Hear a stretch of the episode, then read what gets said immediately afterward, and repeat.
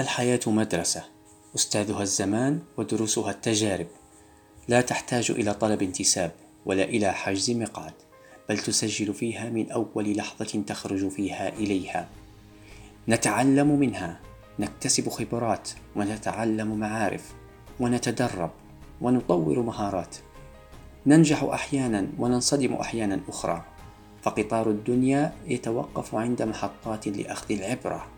من مواقف أو مصاعب واجهتك في الطريق.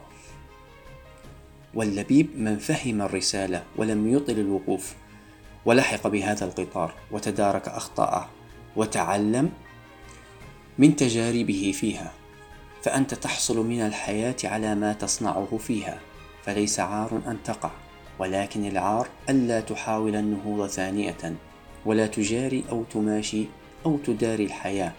وأن تمشي على ما هي تريد. بل اجعل الدنيا تمشي كما تريد أنت لا هي فما دمت على قيد الحياة فعليك أن تتعب. فإذا أخطأت لا توجه اللوم للآخرين أو تعلق مشاكلك عليهم. وهذا يجوز ولكن بعد أن توجه اللوم أولا لنفسك. واعلم فيما قصرت أولا ثم لم غيرك. كن أنت التغيير الذي تريده في العالم. ابدأ بنفسك وغير فيها أولا ثم بعائلتك ثم بالمحيطين بك وهكذا. ولا تقل أنا شخص واحد أو عديم الحيلة أو أعجز عن التغيير الجميع يريد التغيير ويتمناه ولكن لا يقدم عليه.